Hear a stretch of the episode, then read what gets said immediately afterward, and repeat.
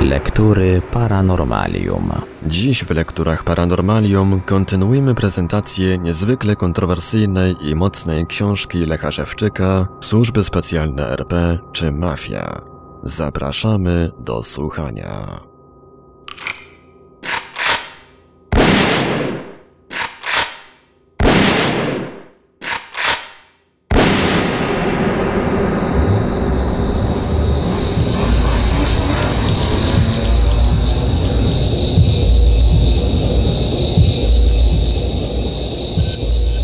Po doręczeniu w sądzie pisemnego podważenia wspomnianej opinii powstał impas. Trzecia rozprawa odbyła się z nowym składem sędziowskim, ale sędzia kobieta wyraźnie nie chciała uczestniczyć w prowadzonych manipulacjach procesem. Dało się jednak zauważyć, że ktoś zabronił jej prowadzić proces w prawidłowy sposób. Improwizowała więc, często spoglądając na zegarek, czy już czas przeznaczony na rozprawę minął. Rozprawę zakończyłam bez jakichkolwiek ustaleń i bez podania terminu następnej. Mogę więc powiedzieć, że nawet w gorzowskim sądzie są uczciwi sędziowie, nie ulegający naciskom skorumpowanych przełożonych. Z tego właśnie powodu następna, czwarta rozprawa odbyła się znów z nowym zespołem sędziów, któremu przewodniczyła sędzia Jolanta. W czasie tej rozprawy powiedziałem ponownie, że celem założenia procesu jest ustalenie, czy zdarzenie, któremu mnie poddano, jest wypadkiem i stwierdzenie jego skutków, a nie robienie ze mnie wariata. Znów dało się zauważyć, że nie wolno było prowadzić procesu inaczej, ale decyzji, co robić dalej, nie było. Wciąż ktoś obmyślał, jakby tu uderzyć inaczej, aby jednak poszło zgodnie z planem i zrobić ze mnie wariata. Na piątej rozprawie sędzia La... Wiedziała już, jak ma zakończyć proces. Nic nie potrafili wymyśleć, ani przynajmniej zachować pozory prawa, a więc postanowili przepchnąć sprawę na Hama. Zdziwiony zauważyłem, że na rozprawie jest też przedstawiciel PZU, radca prawny kobieta. To właśnie ona prowadziła manipulację z tą sprawą w PZU, nie potrafiła rozpoznać w dokładnie przeanalizowanym zdarzeniu wypadku, a także nie wiedziała, jakie czynności powypadkowe zobowiązane jest przeprowadzić PZU. Wydała też decyzję w imieniu dyrektora PZU odrzucającą moje roszczenia, nie potrafiąc jednak tego uzasadnić. Mimo, że wielokrotnie zwracałem uwagę, że brak tego uzasadnienia, to i tak sąd nie chciał tego zauważyć. Uprzednie trzy rozprawy odbyły się bez jej obecności, ale sąd również nie zwrócił na to uwagi. Może uznała, że jej obecność na rozprawach nie jest konieczna, bo rolę strony PZU przejął przecież sąd. W czasie rozprawy okazało się, że wszystkie moje argumenty nie są zasadne. Liczyła się tylko opinia wystawiona w oderwaniu od tematu procesu przez psychiatrę Alinę. W oparciu o tę opinię Sąd Rejonowy w Gorzowie Wielkopolskim zakończył proces z oddaleniem mojego powództwa. Ponadto, chyba na ironię, zasądził ode mnie, czyli od kogoś, kogo uznał za psychicznie chorego, pewną kwotę pieniędzy dla PZU. Analizując dalej można zauważyć, że nawet gdyby rzeczywiście stwierdzone przez Alinę urojenia były prawdziwe, to i tak sąd nie miał prawa uznać, że wypadku nie było. Co ma jedno do drugiego? Urojenia mogły przecież powstać jako dodatkowy skutek otępienia mnie środkami psychotropowymi przez pracowników służb specjalnych RP.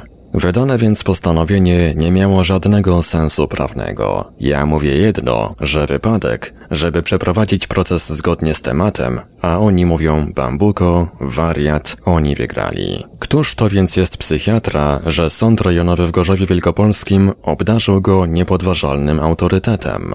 Mam kilka konkretnych przykładów wystawienia fałszywych orzeczeń przez psychiatrów, w tym ze stopniami naukowymi, celem zrobienia wariatów z niewygodnych mafii państwowej ludzi.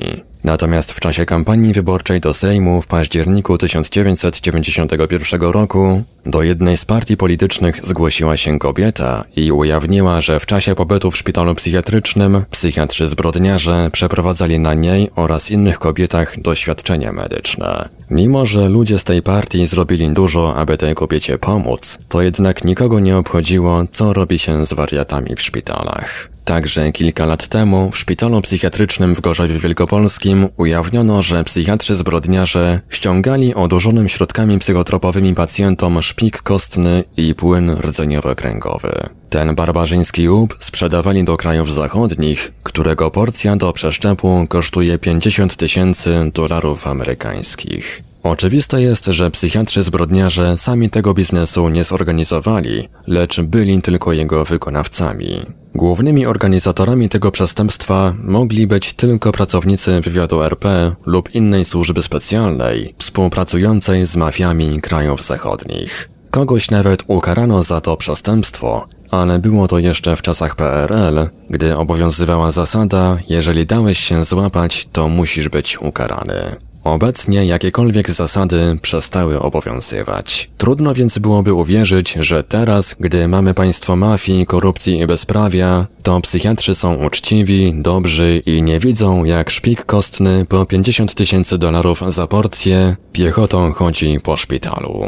Innym razem w gorzowskim szpitalu psychiatrycznym zginęła duża ilość zdjęć rentgenowskich pacjentów. Ktoś mógłby zdziwiony zapytać, po co komuś potrzebne zdjęcia rentgenowskie wariatów. Każde jednak działanie ma powód i w tym przypadku tak było również. Wykradli te zdjęcia po to, aby je zniszczyć jako dowody popełnionych przestępstw. Na zdjęciu rentgenowskim zrobionym po przyjściu do szpitala widać w jakim pacjent jest stanie. Gdyby jednak zrobić mu takie samo zdjęcie po jakimś czasie pobytu w szpitalu, można by stwierdzić, że pacjent nie ma na przykład nerki lub że są ślady pooperacyjne w mózgu lub innych częściach organizmu. Natomiast w styczniu 1994 roku w szpitalu psychiatrycznym w Gorzowie Wielkopolskim zmarło nagle blisko 20 osób, a wiele innych doznało stanu stanu zagrożenia życia. Być może dane te, podane do wiadomości publicznej, są zaniżone. Po ujawnieniu tego faktu natychmiast zablokowano dostęp do szpitala. Lekarze informacji nie chcieli udzielać, tłumacząc się tajemnicą lekarską. Przeprowadzone badania przyczyn zgonów i śledztwo nie dały rezultatów, bo oczywiście lekarze nie potrafili ustalić przyczyn tej epidemii śmierci. Za to wystawić fałszywą opinię sądowo-psychiatryczną i robić z ludzi wariatów to potrafią bardzo łatwo.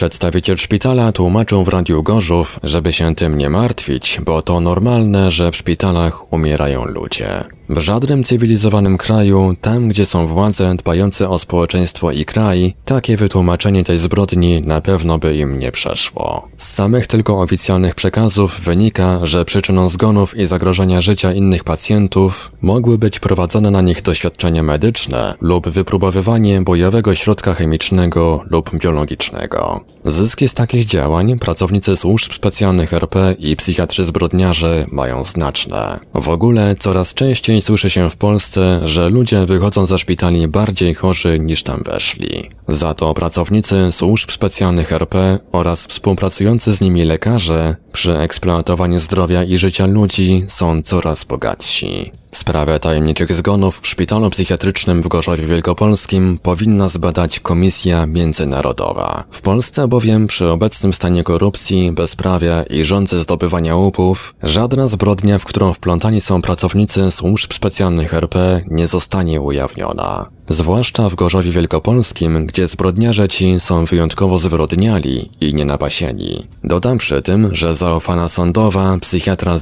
Alina jest długoletnią pracownicą tego samego szpitala psychiatrycznego w Gorzowie Wielkopolskim, bloku kobiecego. Przypuszczam, że nie chciałaby, abym bez zdobycia dowodów albo biegły od ścigania przestępców, na przykład prokurator, uznał, że brała udział w tych zbrodniach. W końcu proponuję zapytać któregoś z psychiatrów w Polsce, skąd biorą się choroby psychiczne. Oni tego nie wiedzą, a ich przyczyny można przecież ustalić tak samo jak każdej innej choroby.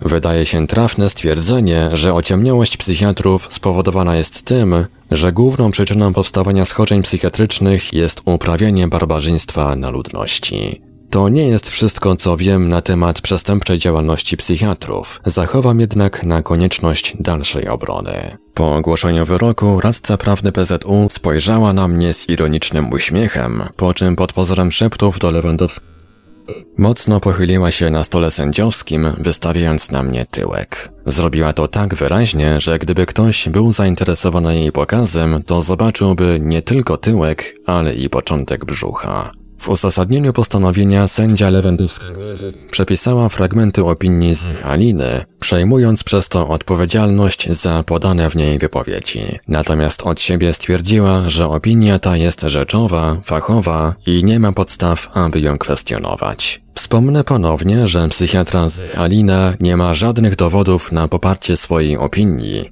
a będą jej potrzebne, jak również w przyszłości, gdy będą już w Polsce władze, które sprawią, że ściganiem będą objęci wszyscy przestępcy, wówczas obie będą musiały się z tej sprawy rozliczyć. Z postępowania sądu w tym procesie wynika, że sąd tuszował przestępstwo, chronił sprawców. Natomiast w kodeksie karnym mają napisane, że za takie przestępstwo grozi kara więzienia do lat pięciu. Tacy to sędziowie kazali mi wstawać, gdy do nich mówiłem i nazywać wysokim sądem. Proces ten można podsumować posługując się analogią. Załóżmy, że w mieście jest jakaś firma, która prowadzi mafijne interesy i bardzo jej przeszkadza w tym most. Rozpowszechnia więc plotki, że most grozi zawaleniem i trzeba go rozebrać. Władze miasta, aby rozstrzygnąć problem, najmują biegłego inżyniera, aby wydał w tej sprawie opinię. Mafijna firma przekupuje jednak biegłego i ten, bez przeprowadzenia badań wytrzymałościowych, stwierdza, że owszem, most wygląda ładnie, ale na pewno się zawali. To więc tylko, że tak twierdzi przekupiony biegły, to za mało i nikt na tej podstawie nie rozbierze mostu. Biegły musiałby mieć w pełni przekonujące dowody popierające swoją opinię. Jednakże mafijna firma przekupuje również władze miasta i te stwierdzają, że opinia biegłego jest rzeczowa, fachowa i nie ma podstaw, aby ją kwestionować. Wydają więc decyzję, aby rozebrać ten niebezpieczny dla mafii most. Dalsze wnioski nasuwają się same. Gdyby sąd postępował zgodnie z prawem, wtedy przebieg procesu byłby taki. Po pierwsze, Sąd zobowiązałby stronę PZU, aby uczestniczyła w procesie i uzasadniła, dlaczego nie przeprowadziła postępowania z moim wypadkiem, tak aby udało się ustalić jego okoliczności, przebieg i skutki. Po drugie, sąd powołałby biegłego znającego zagadnienia hipnozy i działania środków psychotropowych, a więc lekarza anestezjologa, psychoterapeutę, psychiatrę lub psychologa, który potrafiłby odpowiedzieć na pytanie, czy działając środkami psychotropowymi na mózg i posługując się hipnozą, można spowodować rozstrój zdrowia, taki jak to stwierdziłem u siebie, na skutek spowodowanego mi wypadku. Po trzecie, sąd opierając się na opinii biegłego, zeznaniach stron oraz przepisach prawnych, ustaliłby, czy zdarzenie, któremu mnie poddano, spełnia wszystkie warunki wypadku, a więc czy nim jest. Po czwarte, na tej podstawie sąd wydałby postanowienie, a jeżeli sąd uznałby, że moje roszczenia nie są słuszne, wtedy pozew oddaliłby i bez zrobienia ze mnie wariata. B. Jeżeli natomiast sąd uznałby moje racje, wtedy albo zwróciłby sprawę BZU, nakazując przeprowadzenie postępowania powypadkowego, albo też sąd przeprowadziłby postępowanie i wówczas, po piąte, sąd skierowałby mnie na badania psychologiczne, aby biegły psycholog na podstawie przeprowadzonych testów oraz innych dostępnych mu badań określił poziom aktualnej inteligencji oraz cechy osobowe w odniesieniu do stanu uznanego za prawidłowy lub przyjęty dla człowieka z wyższym wykształceniem. Po szóste, sąd powołałby na biegłego normalnego lekarza psychiatrę, który przy pomocy stosowanych w psychiatrii urządzeń elektronicznych oraz innych badań ustaliłby, czy wszystkie ośrodki mózgu pracują z normalną wydolnością, czy też występują następuje ich częściowa lub pełna blokada. Ponadto biegły, posługując się hipnozą, ustaliłby w sposób pewny, czy sztuczne otępienie nastąpiło, jak również w jakich to się stało okolicznościach. Po siódme, sąd skierowałby mnie na badania toksykologiczne oraz inne, pozwalające stwierdzić skutki działania środków psychotropowych. Obecnie są tomografy komputerowe pozwalające zbadać każdą komórkę organizmu, a więc również skutki działania środków psychotropowych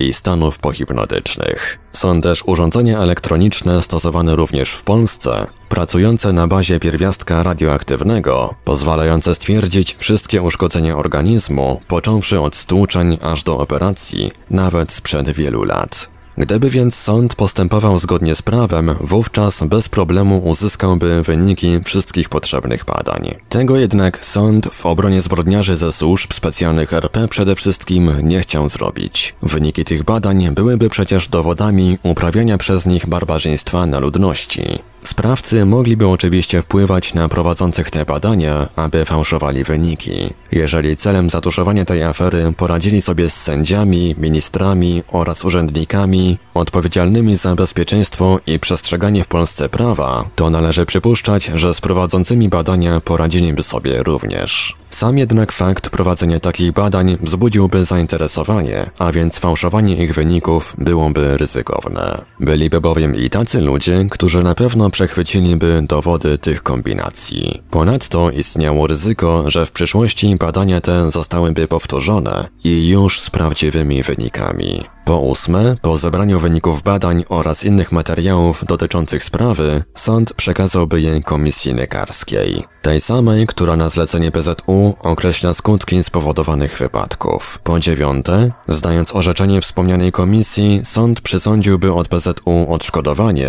według posiadanej polisy ubezpieczeniowej. Byłoby to 2000 zł za każdy procent utraty zdrowia. Czyli gdyby komisja potwierdziła, że ubytek zdrowia na skutek spowodowanego mi wypadku był 75%, tak jak to wówczas stwierdziłem, to odszkodowanie wynosiłoby 150 tysięcy złotych. Suma więc symboliczna i jak już wspomniałem, była tylko pretekstem do przeprowadzenia postępowania. Obecnie sprawcy tego przestępstwa jako urzędnicy ochrony państwa umniejszyli poziom otępiania mnie na konto robienia ze mnie psychopaty.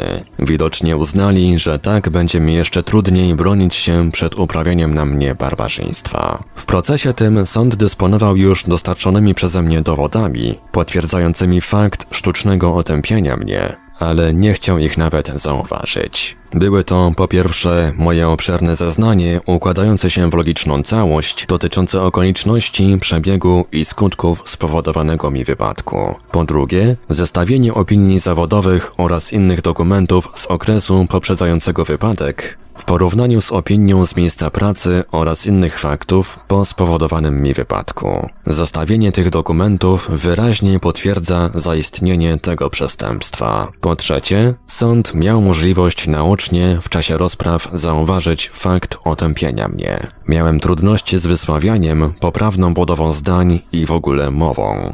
Twarz przy tym wykrzywiały mi podstępnie zaaplikowane, otępiające środki psychotropowe. Ponadto manipulowanie mną i otępienie dało się zauważyć w treści pism przekazanych sądowi, szczególnie w początkowej fazie procesu.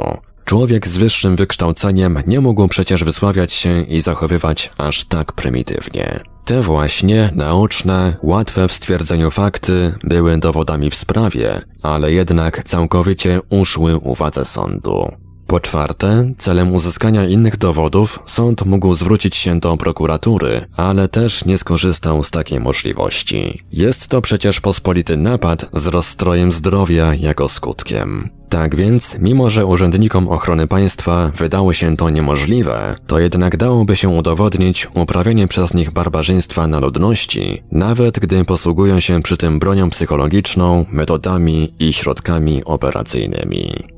W sprawie wydanego postanowienia przez Sąd Rejonowy w Gorzowie Wielkopolskim założyłem apelację do Sądu Wojewódzkiego również w Gorzowie Wielkopolskim. Skutek był ten sam. Sąd Wojewódzki w składzie przewodniczący Ryszard, sędzia Katarzyna, sędzia Marcin utrzymał w mocy postanowienie sądu rejonowego. Rozprawa była jedna, bez udziału strony PZU, ale sąd jak zwykle nie zwrócił na to uwagi. Z poczynionych manipulacji wynika, że przede wszystkim to mnie miało nie być na tej rozprawie. Tym razem wezwanie przysłali mi, ale godzina rozprawy była na nim fałszywa, tak abym przyszedł do sądu za późno, już po procesie. Ktoś jednak poinformował mnie, że zrobiono taką manipulację, a więc stawiłem się na rozprawę we właściwej porze. Być może sąd przy tej okazji ukarałby mnie za tę nieobecność grzywną. Na uwagę zasługuje fakt, że w sprawie przeciwko PZU o niewielkie odszkodowanie skład sądu stanowiło trzech sędziów zawodowych, tak jak przy przestępstwach zagrożonych karą śmierci. Dziwne to tym bardziej, bo wówczas w gorzowskim sądzie brakowało sędziów. Wniosek więc taki, że nie chcieli w składzie zespołu orzekającego ławników społecznych spoza sądu, bo to znacznie utrudniłoby im utrzymanie w mocy postanowienia sądu niższej instancji. Skorzystałem i z następnej możliwości odwoławczej, a więc zwróciłem się do ministra sprawiedliwości, aby przeprowadził rewizję nadzwyczajną tego procesu. W uzasadnieniu podałem dokładny opis manipulacji, które stale towarzyszyły temu procesowi i były to, po pierwsze, odwlekanie w czasie spraw. W ciągu dwóch i pół roku trwania procesu odbyło się pięć rozpraw, a jedynym działaniem sądu było uzyskanie fałszywej opinii Haliny. Reszta czasu zeszła sądowi na obmyślaniu, jak znaleźć inny sposób oprócz owej podważonej opinii i zrobić ze mnie wariata. Ponieważ nic nie udało się wymyśleć, sąd zdecydował wydać postanowienie w oparciu o tę opinię. Po drugie, wykradzenie z akt procesu wszystkich pism, którymi wyjaśniłem istotę zdarzenia oraz inne związane z tym okoliczności. Po trzecie, z sekretariatu sądu nie informowano mnie o terminach rozpraw lub wezwania wysyłano już po terminie. Po czwarte, nie przysłano mi też sądu opinii biegłej Aliny oraz wezwania na rozprawę w dniu 11 października 1988 roku, aby na jej podstawie i bez mojej obecności zakończyć proces. Po piąte, sąd tolerował nieobecność przedstawiciela PZU na rozprawach, może dlatego, bo sam przejął jego rolę. Po szóste, sąd nie chciał zobowiązać strony PZU, aby uzupełniła zeznania celem uzasadnienia podjętej decyzji w sprawie mojego wniosku. Po siódme, sąd nie chciał przeprowadzić jakichkolwiek działań, które doprowadziłyby do uzyskania dowodów zaistnienia wypadku oraz jego skutków. Po ósme, proces prowadzony był niezgodnie z tematem, a zadaniem sądu było powództwo oddalić, ze zrobieniem ze mnie wariata. Po dziewiąte, gdy sąd nie miał dyspozycji odnośnie prowadzenia procesu, rozprawy były improwizowane. Po dziesiąte, sąd wykazał ironię, przysądzając ode mnie dla PZU korzyści finansowe, uznając przez to, że to strona PZU była poszkodowaną w tym sporze. Po jedenaste, sąd oddalając powództwo oparł się na opinii psychiatry Aliny, którą w całości podważyłem. Mimo podania przekonywających argumentów, pismem z dnia 13 grudnia 1990 roku z Ministerstwa Sprawiedliwości, podpisanym przez sędziego Zofię, otrzymałem odpowiedź negatywną. Ponoć nie stwierdzono przesłanek do wniesienia rewizji nadzwyczajnej. W międzyczasie nastały zmiany polityczne w Polsce. Sejm powołał komisję celem zbadania działalności MSW, której przewodniczył poseł Jan Rokita. Z raportu tej komisji wiadomo, że w czasach PRL instytucje państwowe miały obowiązek tuszować wszystkie przestępstwa popełniane przez pracowników resortu MSW. Przy czym, jak podkreślono, zasada ta dotyczyła jednakowo generała, który wydał rozkaz strzelenia do robotników, jak również wiejskiego ormowca, który sztachetą zabił sąsiada. Powstał więc argument, na podstawie którego ponownie zwróciłem się do ministra sprawiedliwości, aby przeprowadził rewizję nadzwyczajną. W uzasadnieniu podałem, że przyczyną manipulowania procesem mogła być zasada dająca gwarancję bezkarności dla sprawców spowodowanego mi wypadku, czyli po pierwsze, w PZU nie podjęto postępowania w tej sprawie, ponieważ podałem, że jego sprawcami jest grupa pracowników służb specjalnych. Po drugie, w sądzie w Gorzowie Wielkopolskim manipulowano procesem tak, aby nie udało się czegokolwiek udowodnić, a tym samym obciążyć sprawców. Była więc szansa dla wplątanych w ten aferowy proces, aby przeprowadzić go ponownie i prawidłowo. Tak jednak się nie stało. W odpowiedzi z Ministerstwa Sprawiedliwości, tym razem już anonimowo, potwierdzono, że nie ma podstaw do przeprowadzenia rewizji nadzwyczajnej tego procesu. Czyli po tej decyzji nie można już twierdzić, że decydenci tego procesu manipulowali nim, bo musieli. Zrobili to świadomie, dla osiągnięcia osobistych zysków. Spróbowałem też uzyskać interwencję w sprawie tego procesu u Rzecznika Praw Obywatelskich. Niestety odpowiedź przyszła również negatywna. Kierownik zespołu, Strojewski Kazimierz, podał w niej, że rzecznik nie znalazł możliwości podjęcia działań w tej sprawie.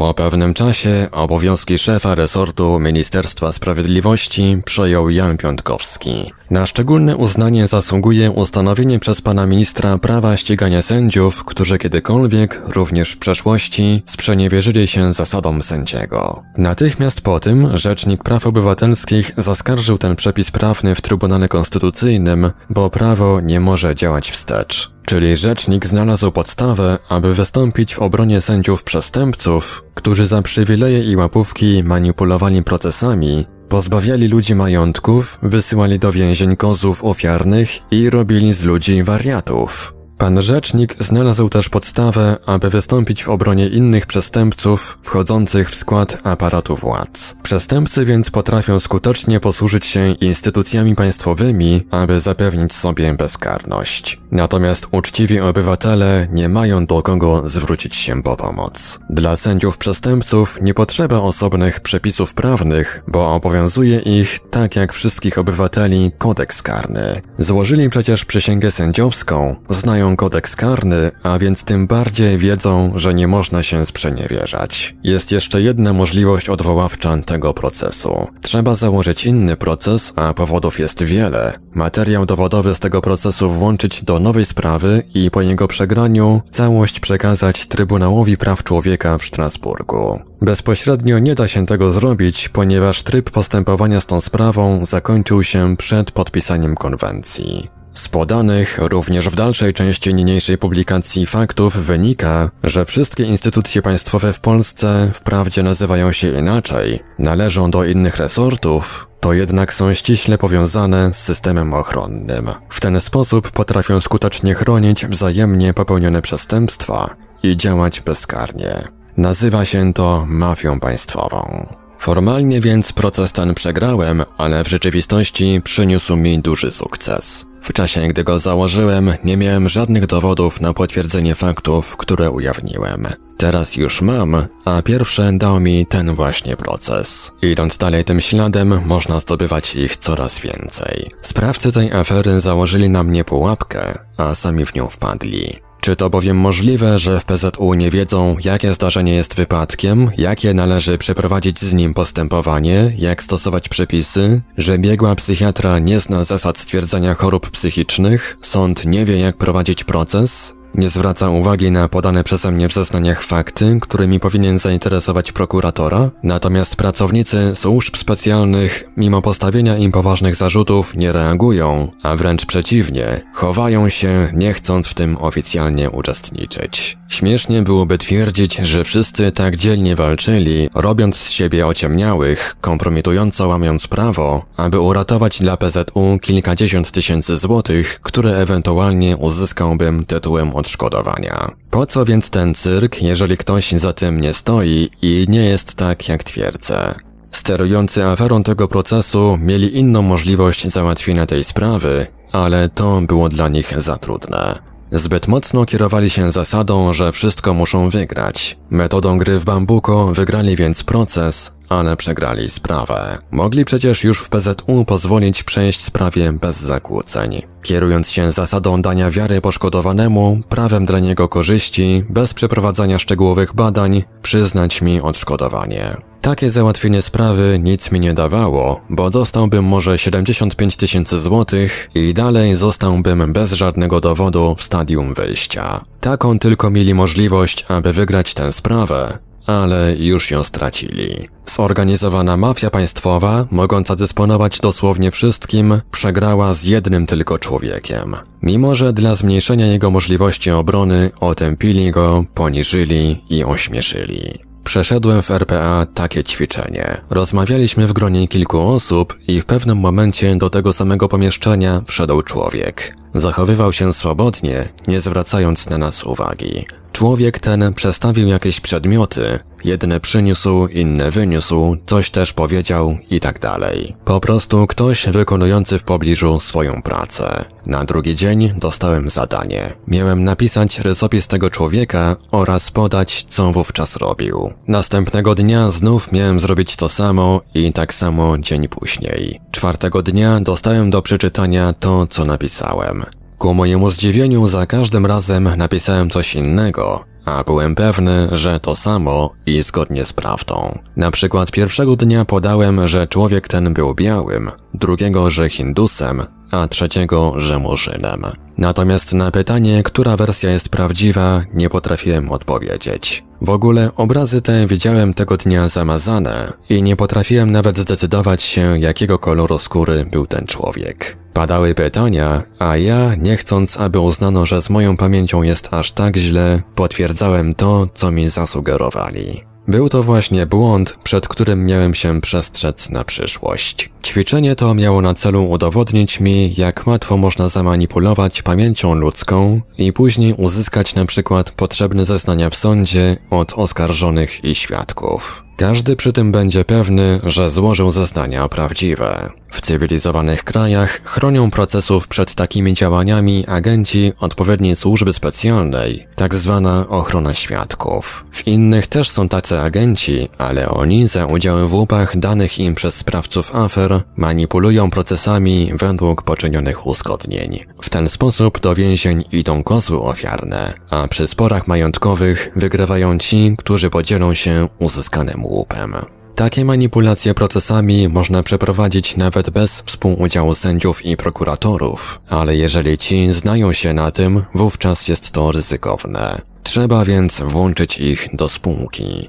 Przy końcu 1991 roku w firmie, która mnie zatrudnia, jeden z pracowników, pan M, dokonał włamania do pomieszczeń biurowych, również mojego. Było to dość dziwne włamanie, ponieważ sprawca zrobił więcej szkody niż zdobył łupów. Z pomieszczeń kierownika wyniósł tylko maszynę do pisania, którą ukrył na terenie firmy, a następnego dnia dobrowolnie zwrócił. Były inne przedmioty wartościowe, ale ich nie ruszył. Podobnie było w pomieszczeniu, w którym pracuję. Wyłamane były tylko drzwi wejściowe, natomiast wartościowe przedmioty były na swoich miejscach. Wezwana policja przeprowadziła rutynowe czynności. Po dwóch dniach od tego zdarzenia zauważyłem jednak brak mojego prywatnego kalkulatora. Był to tani, wartości około 5 dolarów amerykańskich kalkulator przywieziony z RPA. Machnąłem ręką, bo było za późno, abym mógł na pewno powiedzieć, że zabrał go pan M w czasie owego włamania. Tym bardziej, bo w sytuacji, w której jestem, mogło starzyć się cokolwiek. Po kilku dniach, zwolniony z pracy za to włamanie, pan M przyszedł rozliczyć się z firmą.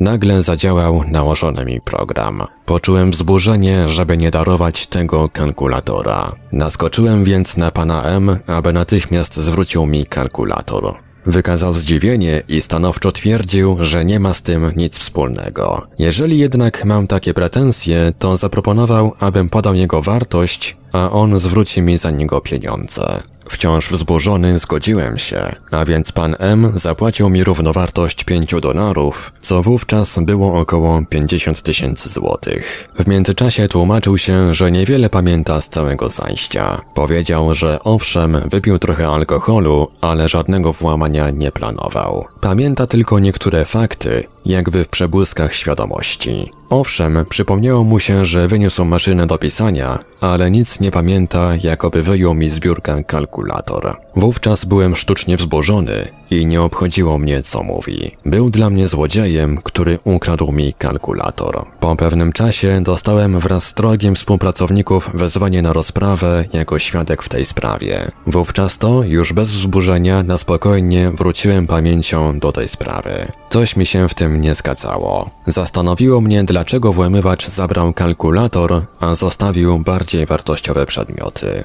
Obejrzałem dokładnie ślady włamania, a także rozmawiałem z ludźmi znającymi to starzenie. Z moich ustaleń wynikało, że włamanie było zorganizowane dla zatuszowania, odwrócenia uwagi od innych działań. Prawdziwej przyczyny jednak nie udało mi się ustalić. Może rzeczywiście chodziło o mój kalkulator, w którym była zainstalowana dodatkowa elektronika i z jakichś powodów trzeba było się tego pozbyć. Jednakże powód mógł być inny. W ten właśnie sposób tego rodzaju działania się przeprowadza. Wybiera się kozła ofiarnego, najlepiej już karanego, podsuwa trochę alkoholu, środek psychotropowy i programuje operacyjnie, aby wykonał potrzebne czynności.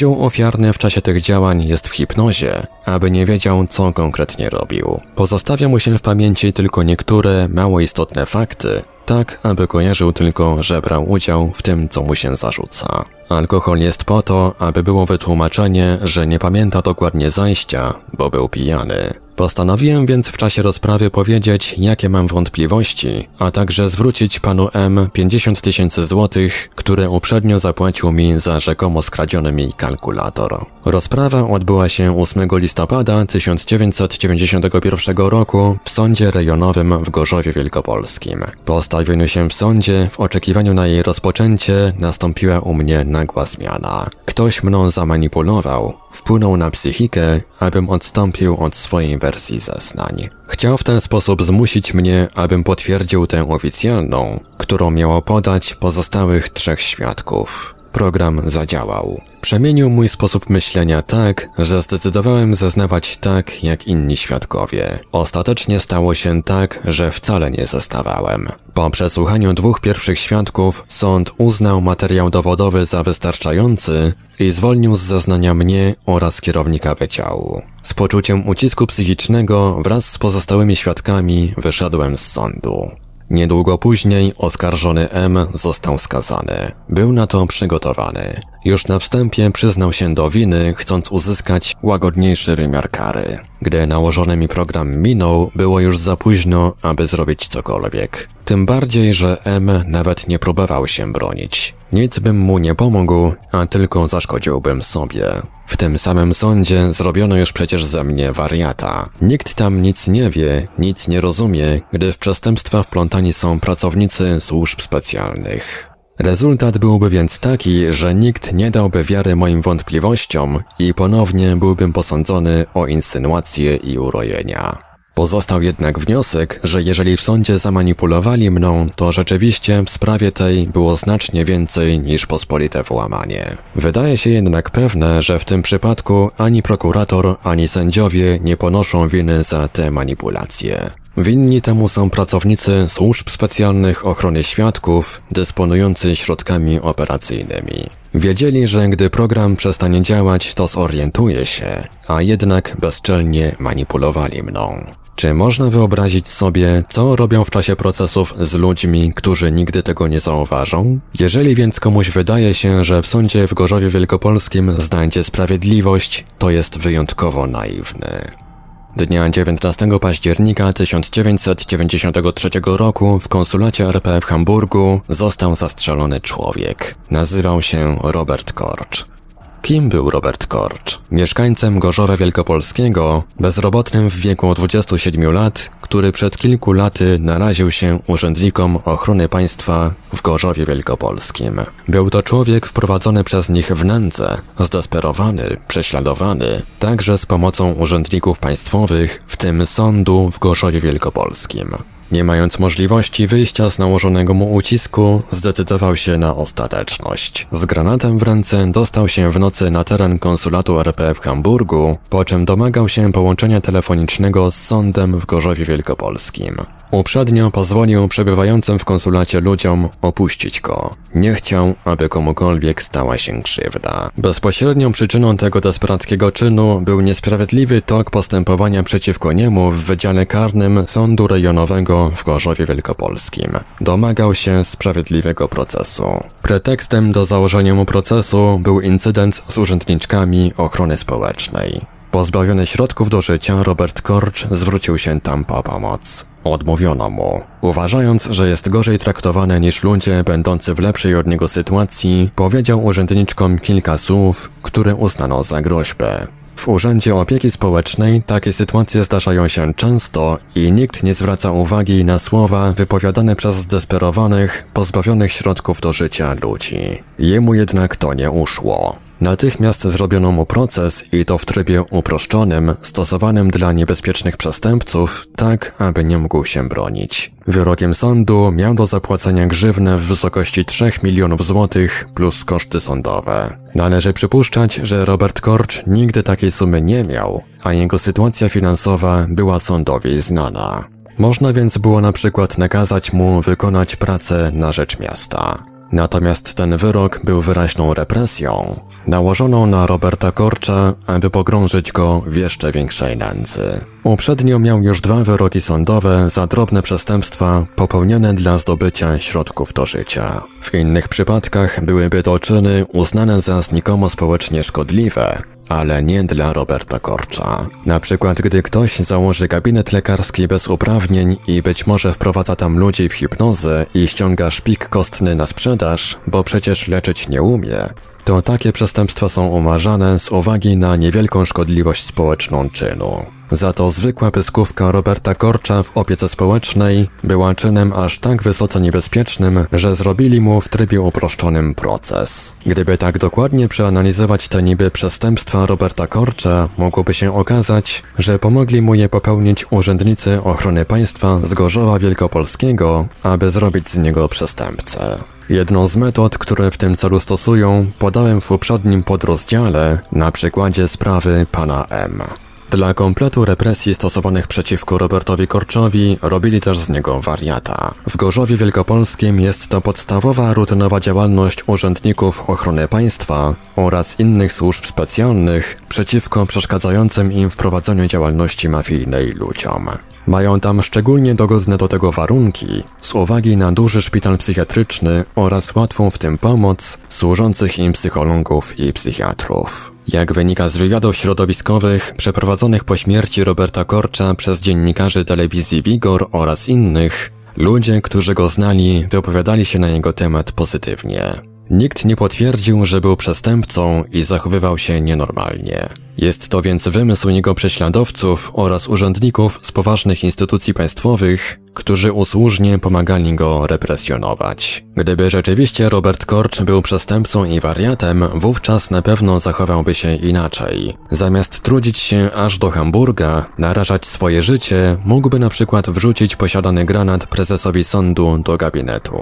Wówczas wiedziałby za co ma proces i poniósłby karę. W cywilizowanych krajach, tam gdzie wymiar sprawiedliwości funkcjonuje normalnie, ława przysięgłych, zważywszy motywy działania takiego sprawcy, sytuację, w którą został wprowadzony, mogłaby go nawet uznać za niewinnego. Należy przypuszczać, że po takim incydencie następny proces zakończyłby już posługiwanie się sądem w Korzowie Wielkopolskim celem niszczenia przeszkadzających mafii ludzi.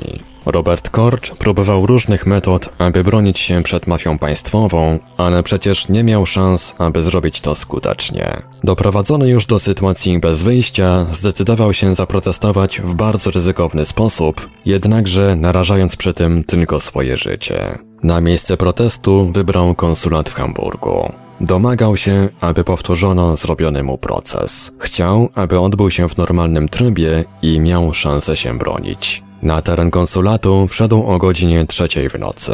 Obudził śpiących tam ludzi i pozwolił wyjść.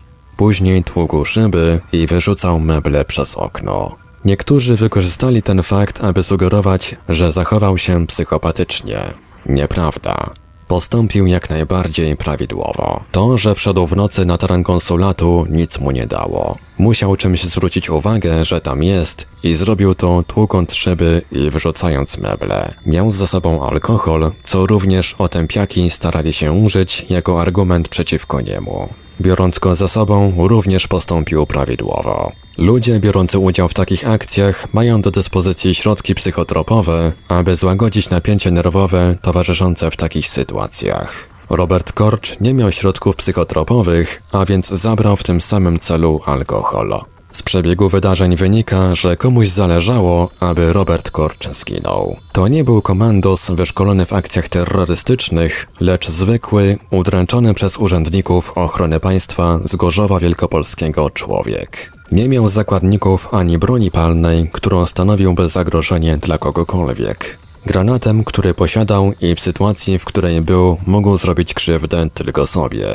Powodów więc, aby do niego strzelać, nie było żadnych. Według oficjalnej wersji strzelił agent brygady antyterrorystycznej. Czy jednak był to ten śmiertelny strzał, pozostanie tajemnicą. W warunkach, w których wówczas znajdował się Robert Korcz, każdy wyszkolony agent działający sam, bez broni palnej, wyprowadziłby go stamtąd żywego, a zajęłoby mu to łącznie z przygotowaniem najwyżej pół godziny. Należy przy tym zauważyć, że konsulaty są obiektami eksterytorialnymi, a więc także ten był terenem Polski. Każde więc działanie, które przeprowadzono, musiało odbyć się za zgodą i akceptacją strony polskiej. Najbardziej zależało na śmierci Roberta Korcza, zajmującym się prowadzeniem działalności mafijnej urzędnikom ochrony państwa z Gorzowa Wielkopolskiego, którym się naraził. Bali się, że gdy przeżyje, wówczas ujawni zachodnim dziennikarzom, w jaki sposób był poniżany, doprowadzony do nędzy i prześladowany. Ponadto, że wysługiwali się przy tym instytucjami państwowymi, w tym sądem w Gorzowie Wielkopolskim. Gdyby wówczas w konsulacie nie był to Robert Korcz, lecz ktoś z nazwiskiem znanego polityka, wówczas nikt by do niego nie strzelał. Wyszedłby stamtąd żywy i nawet włos nie spadłby mu z głowy. Na nagrobku Robert Korcz powinien mieć napisane Zginął śmiercią tragiczną, prześladowany przez urzędników ochrony państwa z udziałem sądu w Gorzowie Wielkopolskim.